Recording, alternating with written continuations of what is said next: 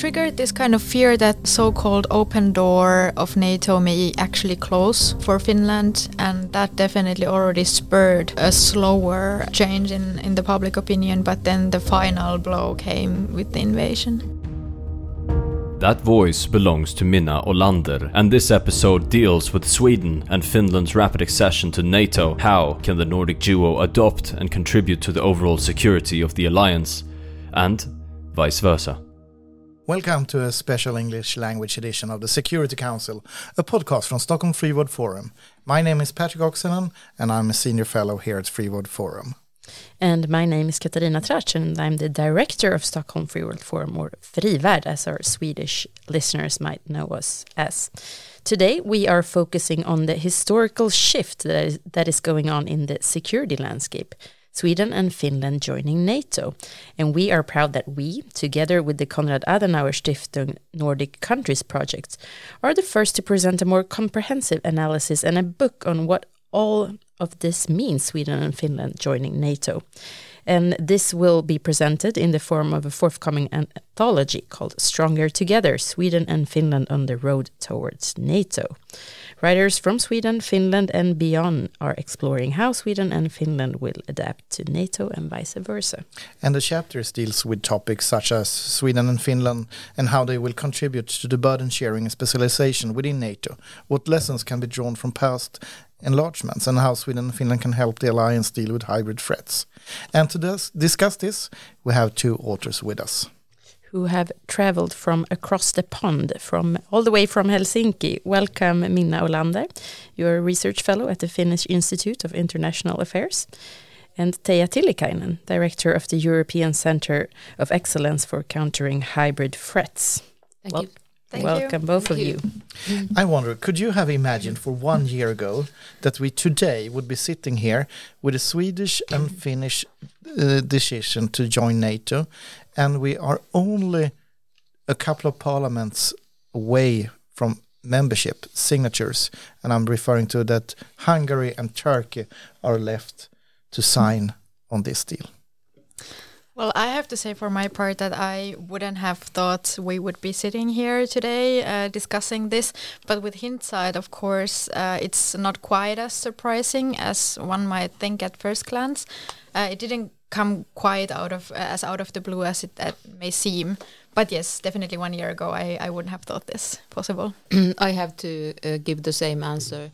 Uh, it seems that uh, still one year ago, the Finnish and Swedish NATO partnerships uh, were, were, kind of uh, looked like to be so so uh, ideal from the point of view of the two countries solutions for their their kind of NATO relationship. They were very close to NATO, or, or are are still very close to NATO, with with a lot of cooperation and uh, interoperability, but still without the the need to take the burden of of uh, uh, kind kind of uh, manage the the, the final uh, the final stage of the, of the process, uh, taking into account that there were domestic uh, controversies about the issue. So so this came as a this came fast and as a surprise. This came very fast. I mean, uh, events evolved very quickly dur during this spring. Uh, positions that have been held for, in the Swedish case, centuries, and in the Finnish case, for, for decades, uh, were changed. Uh, can you summarize in your impressions from from this mm. shift from a, from a Finnish perspective? Uh, Minna, what, what are your greatest takeaways? Well, it was indeed overnight uh, that it, as it happened in Finland. Um, Finnish support for NATO membership used to be in the public opinion something like around 20 mm. to 25 percent for decades. There was literally like no public support or hardly uh, enough public support for it. So it was quite obvious that it was not really on the table. And then it took only three days uh, from the start of the invasion, when Russia invaded Ukraine on, on the 24th of February this year, uh, mm-hmm. till the first uh, poll uh, on public opinion, uh, when suddenly there was for, for the first time in history there was a majority for joining NATO. So it was very remarkable, really overnight.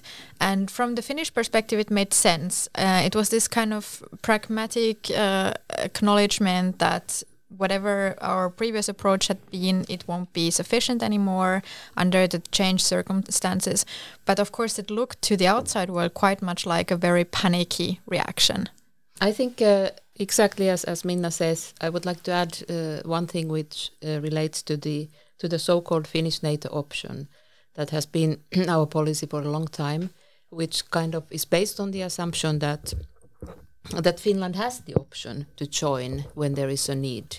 It was uh, kind of not uh, not the correct uh, impression to give to the people because, as we see now, it's not entirely in our hands uh, to take that decision. But that that was the understanding in the country that that uh, that there are no ideological hurdles constraints. Uh, it's it's a, it's a kind of as, as we wish. Uh, but when Putin, uh, uh, towards the end of last year, came with the message that NATO should not enlarge, and he wanted to make an agreement on that, I think that already started some some uh, or, or, launched uh, led to some some rethinking among the Finnish population that it, it perhaps is is not a, a, a decision that is entirely in, in, in our hands. So we can we can we can see that a softening of opinion started or a change uh, of opinion started. Yes, definitely. And yeah. now we're talking about December last year, right?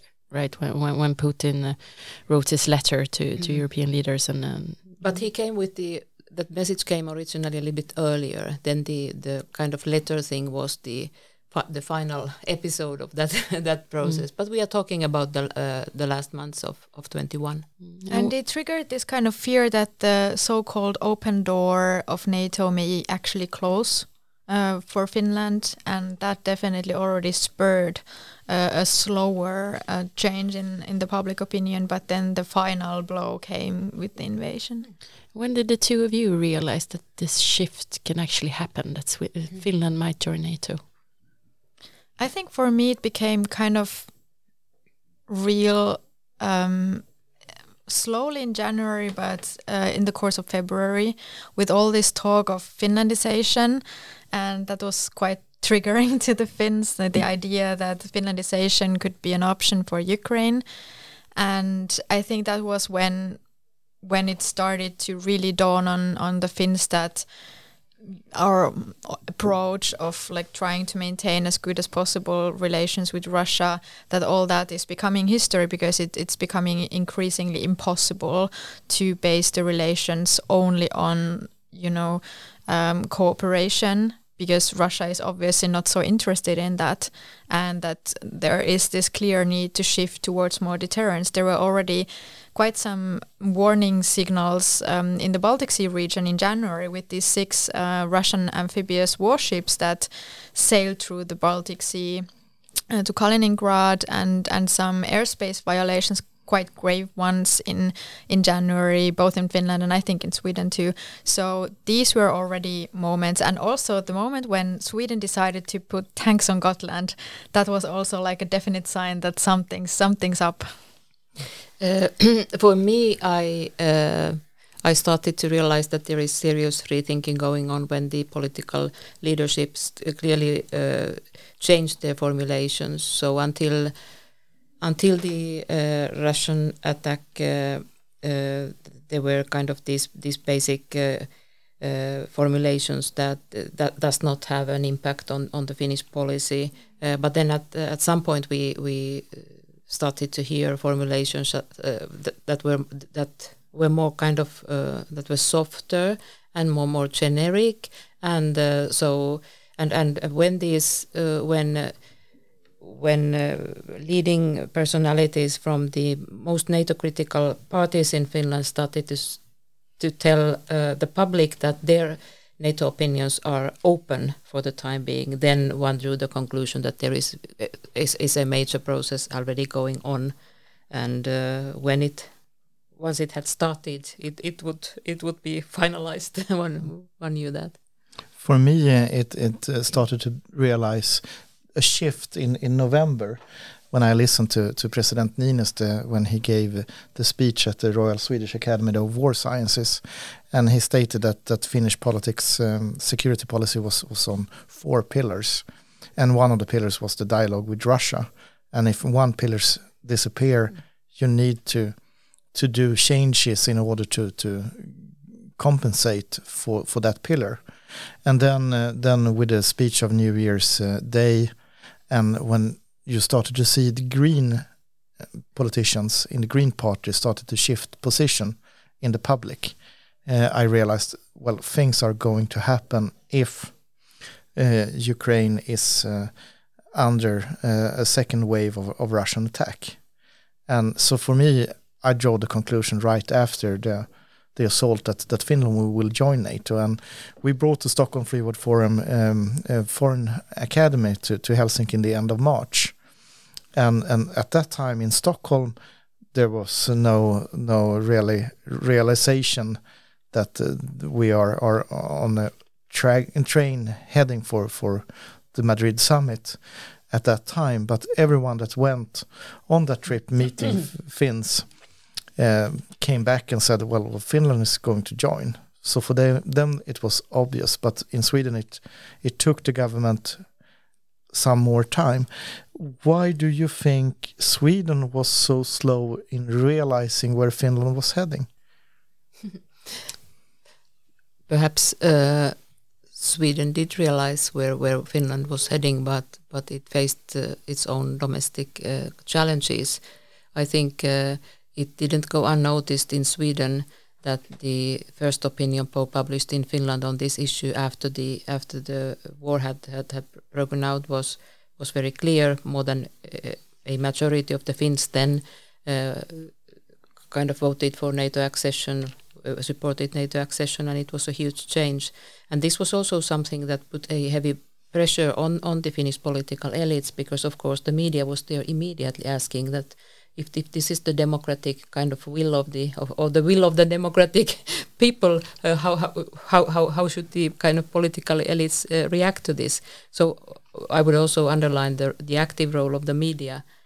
Uh, in Finland, on uh, that it played on, the, on, on this issue, but I think I, I, I, I do think that the, that in Sweden, uh, kind of the change of Finnish thinking did not go unnoticed, but uh, but it, it took uh, time and energy to get kind of Sweden to the same situation. But maybe one could add that there may not have been quite a like maybe let's say comprehensive enough understanding of Finland's reasons not to join NATO before and the differences between Finland and Sweden in the approach because um, had that been completely clear, then it would have been kind of easier to expect that this kind of uh, reaction is very likely. Uh, the Russian troop movements were already observed with very grave concern and, and in great detail in Finland throughout 2021. And um, there was definitely this kind of feeling uh, already in the past years that things are getting worse and heading to a not good direction.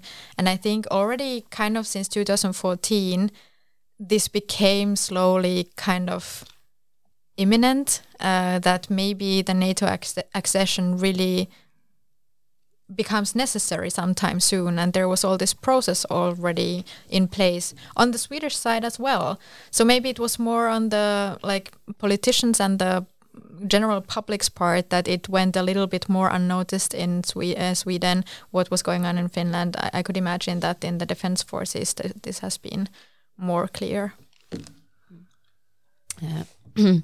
Just to clarify what we were talking about earlier, um, Patrick mentioned a, trip to to Helsinki. That trip was with uh, the Stockholm Free World Forum's Foreign Policy Academy, which is our yeah. What did I say? I, I just, I I just want to explain what it is for, for the viewer who doesn't know. That yeah, it, I, it's a program. I, uh, started to think that, oh my God, what did I say? No, you, you, you, you were absolutely right. I'm oh, just right. explaining what it is oh, for everyone great. who that's might great. be interested in applying perhaps for next year. It's yeah. our next generation leaderships program. I think it's a great idea to apply it for that for, for listeners between 20 and 30.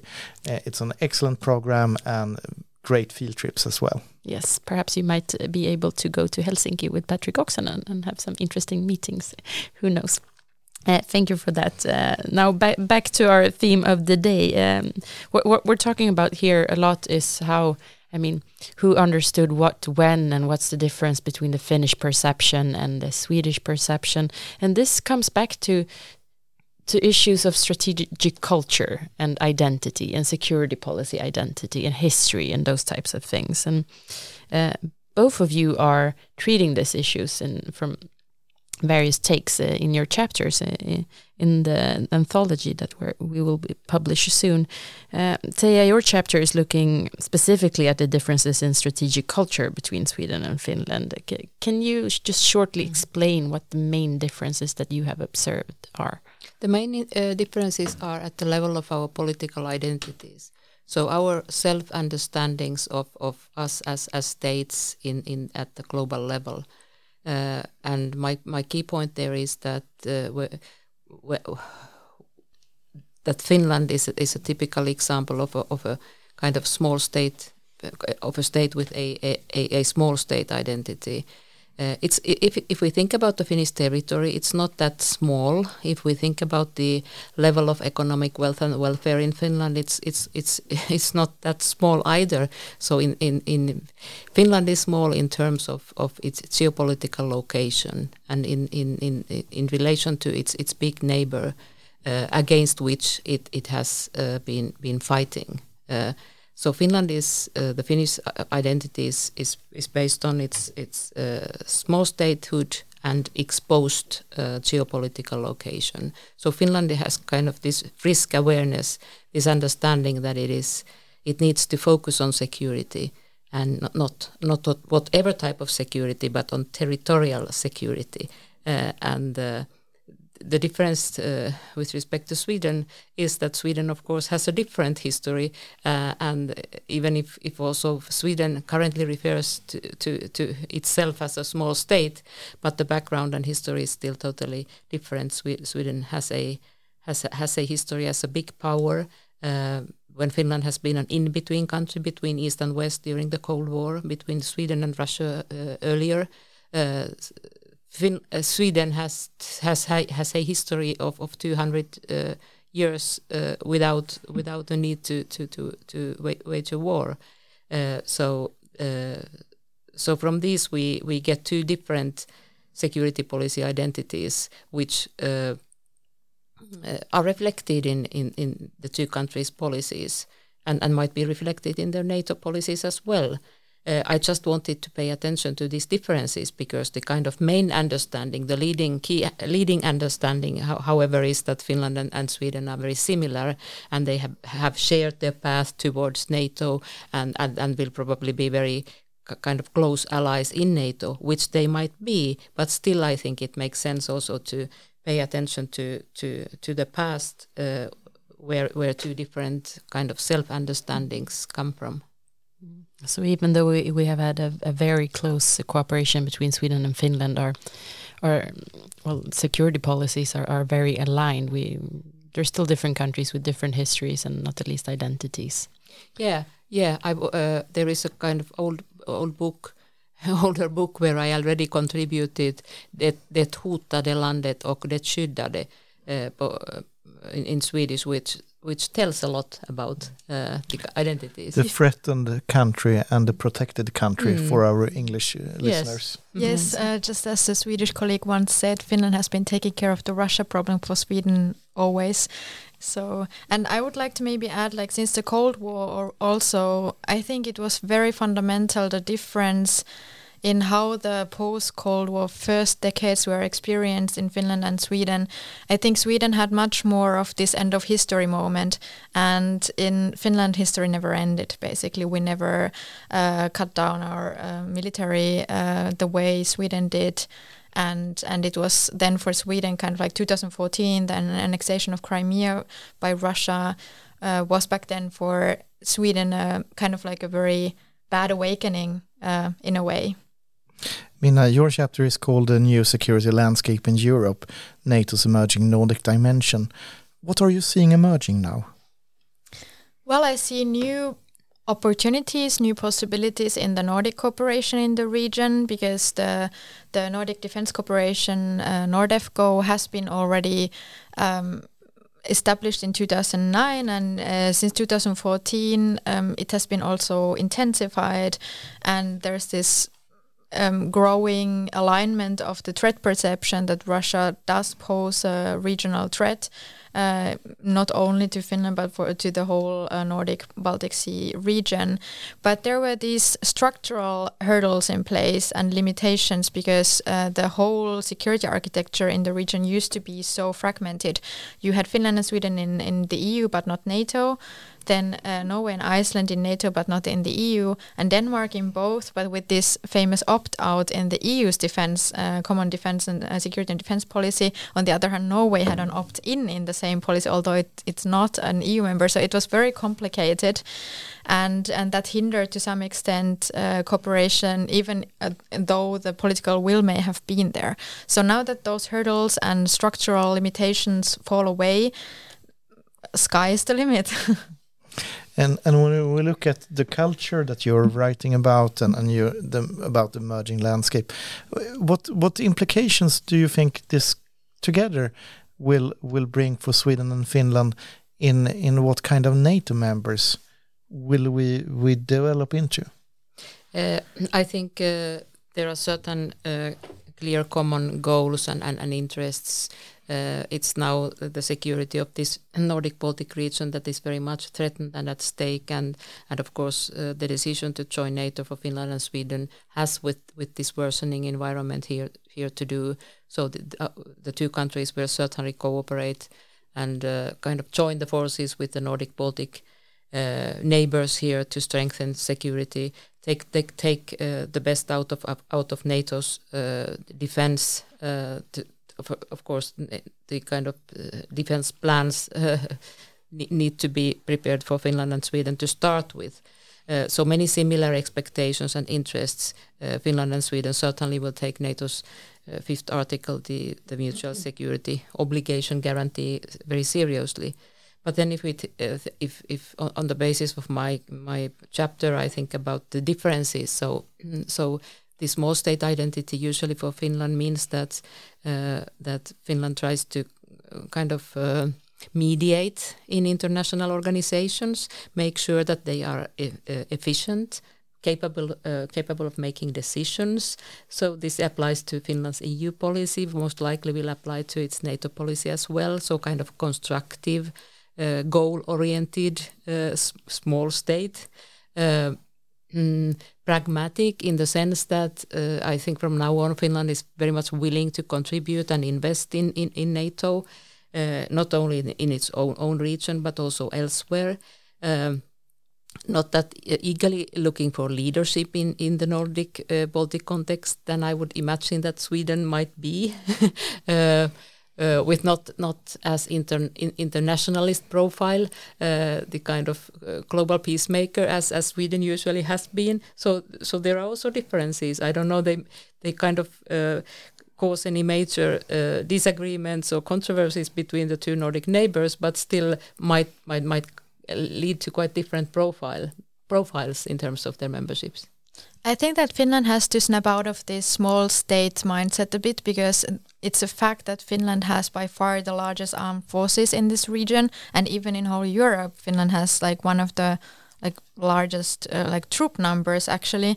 So um, that won't entirely add up, I think, in NATO because it's a different context than than other organizations. It's a defense alliance, and fin- Finland is good at defense. Uh, on the other hand, um, I think it's also interesting for Sweden because Sweden has had this very like kind of ideologically loaded um, or, or this kind of very moral uh, foreign policy tradition maybe or i don't know if moral is the right moral word. superpower. Yes exactly. So um, and now sweden is kind of uh, getting quite a big lecture from turkey. So i'm kind of very curious how that will impact Sweden's role within NATO because I think that really limits Sweden's ability to build this kind of role and identity within NATO. I think Sweden will be forced to be uh, a bit more pragmatic about it as well. We will get back to to the issue of um, of Turkey and the the NATO accession process because we're we're, we're quite not quite there yet, but before we do so, I would like to address a question to you also, Patrick. You you have also written a, a chapter to this book, uh, focusing on uh, hybrid threats in the region, and um, uh, that's also your specialty. So so I wonder if the two of you could just uh, within a regional sort of uh, NATO context, what what have you observed in the hybrid realm? Uh, and I also want to want to add, and while uh, when we're recording this podcast, uh, it's uh, two days after uh, after it has become known that um, that there's been a sabotage to to the Nord Stream one and two gas gas pipelines on the bottom of the Baltic Sea in the exclusive economic zone of Sweden and Denmark. So hybrid threats are are very much an issue that is being debated right now. Yeah, and uh, when regards to, to Nord Stream, that has been a scenario pointed out long time ago before it was first built that this could could actually happen from from people like us that are, are looking into these kinds of, of issues. Uh, in, in regards shortly to, to my chapter, uh, I would say that Sweden and Finland brings to NATO knowledge and understanding of, of, of Russian hybrid methods. And, and uh, Teija is the living example of that, uh, representing uh, as director of the, of the countering hybrid uh, threat center in, in, Helsinki, which is a kind of a reaction to what we saw in Crimea 2014. And Sweden has uh, uh, started, restarted the Agency for Psychological Defense, for example. Uh, and uh, so we have done things on the ground to increase awareness and, and minimize uh, security risks in society in a broad approach. And I think that is something we are bringing into NATO, uh, that understanding and that uh, knowing. Um, if I'm going to be a bit, um, bit perhaps um, just or unjust that we could debate, one could say that the one-eyed is king in the realm of the blind. And, and I guess I would describe Sweden and Finland as one-eyed in, in this sense. We have started to see things, but we have things to do. Yes, I think uh, uh, when it comes to hybrid threats, uh, Russia is eagerly using this toolbox uh, where it uses instruments that take uh, that take place under the threshold of uh, armed conflict to avoid kind of counter reactions, countermeasures, to, to avoid responses. Uh, and uh, of course, uh, this is what makes life difficult in in organizations such as the European Union or NATO, where where, where kind of the the kind of the, the, the hybrid threat toolbox is not not yet ready. But in, in the in the realm of NATO, of course, these are are are security threats uh, of the of the most serious type, and and and NATO should also be prepared to have common responses to them. Uh, otherwise, otherwise Russia and, and also China will just continue using this toolbox and taking the benefit out of out of the situation where where where uh, NATO as an organization does not yet have the preparedness to uh, to, to kind of counter or, or, protect itself and its allies against the, these types of threats. This discussion has started in NATO already. Uh, uh NATO countries are discussing uh, kind of their possibilities to to address uh, hybrid threats. There is already the kind of policy for NATO where where cyber threats and attacks are are kind of can be can be considered uh, an, uh, something that can can uh, trigger Article Five NATO's NATO's uh, security guarantee, uh, and and hybrid are, are, of course instruments more, more broader, uh, kind of consist of, of a, a, wider set of instruments. So this is exactly as Patrick says. This is something that Finland and Sweden can bring to NATO. Their their kind of comprehensive security model, their total försvars model, which is based on the understanding that that security threats are are targeted against the whole society and, and we need to have broader solutions public-private cooperation and the whole of government approach to address these kinds of threats. What does this mean in the NATO context? I think this is the question uh, that that kind of Finland and Sweden probably might might be able to lead the discussion in the uh, in the next few years. Yeah, and I also see the possibility that Sweden and Finland could be also a test chamber of of uh, methodology and, and, and concepts in, in dealing with this and, and also start to test uh, measures against uh, what we are seeing. Uh, and and also in my chapter, I, I raise uh, the warning that that one thing that Sweden and Finland is not very advanced in in understanding and, and grasping, and that is the uh, hybrid threat from from China. So that is is um, something we yet have to deal with. Uh, speaking of, of things to deal with, do you think that hybrid issues have had enough focus during this conflict in Ukraine. I mean, um, I, have noticed a tendency uh, to sort of say, haha, maybe we overplayed um, the importance of uh, hybrid now when we see this large scale mechanized warfare going on in uh, Ukraine. Uh, do, do you think that it, we have been, that the awareness has been um, adequate in terms of hybrid threats? I, shortly, I, I would say that the problem is that in the debate we have seemingly to a hard time to have two thoughts in our head because from the Russian perspective and, and also the Chinese perspective, it's not the matter of of either or.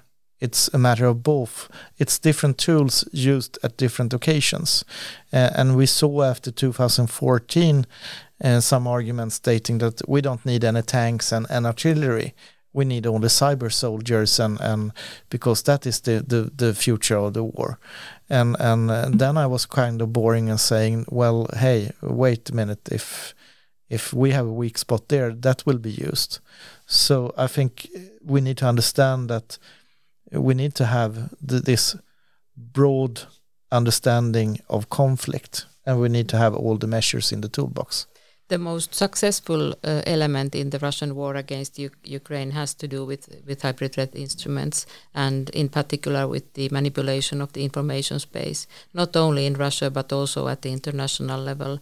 The way uh, Russia kind of made painted the enemy picture before the war, enemy picture of Ukraine, coming with these accusations of uh, about the genocide, about the renazification of Ukraine, but also about the enlargement of NATO that was uh, uh, argued to consist an, an, uh, an, a direct threat to Russia, and of course NATO was did not ha then have any plans to enlarge. It didn't any did not have any plans to uh, accept Ukraine as as its neighbor as its member. So it was a kind of invented crisis that was that Russia created uh, to to be able to put the blame on on the West. Uh, and, and, and find a justification for the war. So I would I would stay, say that this is these are typical hybrid threat instruments, and this is this is definitely the most successful part of the of the Russian war or maybe it was because it seems to have now kind of like these smoke screens are have been blown to some extent um,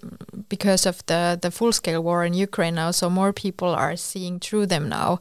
Um, there, of course, remain still uh, people who don't, but I have the impression that uh, Russia has blown quite a lot of that kind of capital, I would say. I in in the Western mm. world, yes, mm. uh, but just want to remind you and and listeners that uh, if you look at the information sphere in, in Africa or or Asia or, or Latin America, uh, that is not unfortunately the same. Or in European countries such as Slovakia or, or Hungary, where this uh, Russian narrative is, is, is very much valid. So or Serbia. Yeah. Or Serbia. mm.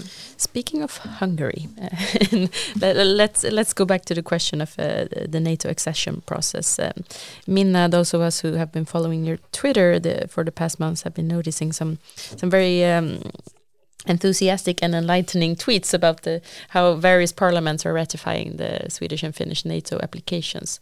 Uh, today, when we're recording this podcast, only two countries remain: uh, Hungary and Turkey. Can you, can you can you say something about that?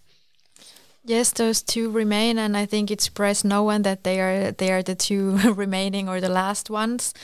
Um, I am currently cautiously optimistic because um, Hungary has a very different position within NATO than in the EU. It's much harder for Hungary to use this blocking power in NATO than in the EU because it just doesn't have a similar strategic position as, for example, Turkey, that has a completely different leverage as a very key ally on the southern flank. So I I don't really see uh, for Hungary a very good angle to gain much by um, antagonizing allies here because there is this very overwhelming consensus on Finland and Sweden's accession uh, apart from Turkey. So Turkey is very much alone with its uh, objections. So I think that also puts quite a pressure on Turkey not to keep um, keep Finland and Sweden in the waiting room forever, or or at least uh, not even for for that a long time. Some people speak of the the elections next year in Turkey, but I I do think that actually the um, opportunity uh, costs will rather rise uh, for Erdogan also domestically because this kind of blocking strategy works once and it works best uh, at the first time. And if you just keep blocking, but you don't achieve anything by blocking it, then the the advantage will start diminishing quite soon when people see like, okay, you were a strong leader who, who blocked something, but then you don't get anything for it. So it very soon becomes obvious that you're not really getting anywhere. And also the US has um, put quite a lot of diplomatic weight behind um, the Finnish and Swedish accession. So as I said, I, I, am cautiously optimistic, and I think it's uh, just a matter of, of time and and won't um, happen in a very distant future, but that uh, we will get the last ratifications also sometime soon. What is your take on the the months to come, Teija? Uh, I think uh, I, I, agree when it comes to Hungary. Uh, I think uh, Turkey for me is, is more of, of a question mark, and it's very difficult to kind of anticipate what what's go what what is going on in Erdogan's head. Uh, so how he sees the, the kind of uh, results of, of, of, this policy and how how how kind of uh, far he's willing to willing and capable to push push this. Uh, so so, uh, but I think it is very good that that uh, there is now a, a firm majority, or, or or probably soon all the other all the other allies have rati ratified. I think the, it creates a pressure, and uh, and uh, might be that that that we are there by the end of the year. If I may add really quickly, um, I think that Erdogan really had the most to gain before the Madrid summit because uh, in Madrid there, there was also the decision on the strategic concept of NATO. So um, of course it was in Turkey's interest uh, not to let all the attention to uh, to swift to uh, switch to Russia and the north northeast of the the Allied territory. So now it really decreases. Um, I think from even from a Turkish point of view. And the one saying that was Minna Ålander.